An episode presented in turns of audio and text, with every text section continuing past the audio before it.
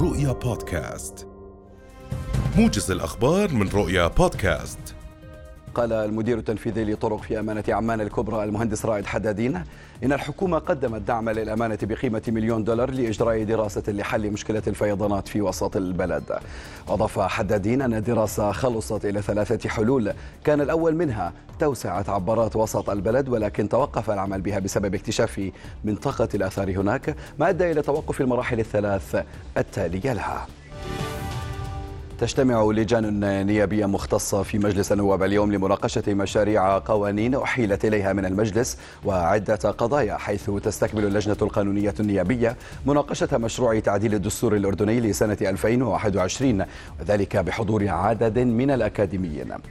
وأيضا اللجنة كانت قد بدأت الثلاثاء الماضي بعقد أولى جلسات نقاشاتها حول مشروع تعديل الدستور الأردني لسنة 2021 قالت منظمة أو ممثلة منظمة الصحة العالمية في الأردن إن المطاعم أثبتت مأمونيتها وفعاليتها في تقليل شدة المرض والوفاة في حال الإصابة بفيروس كورونا وذلك بعد إعطاء أكثر من 8 مليارات جرعة لقاح.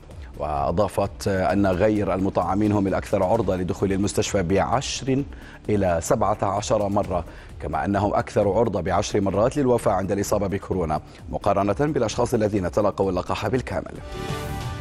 أعلنت وزارة الصحة في قطاع غزة اليوم عن تسجيل خمس حالات وفاة و74 إصابة جديدة بفيروس كورونا هناك.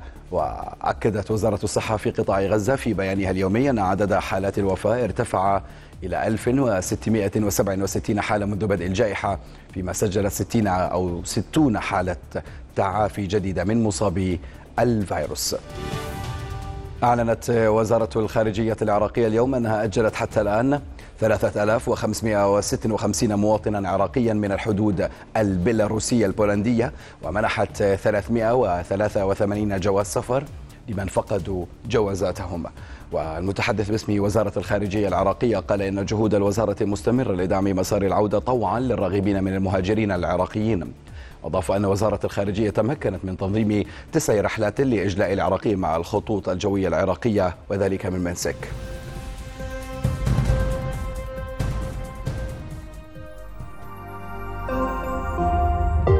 رؤيا بودكاست.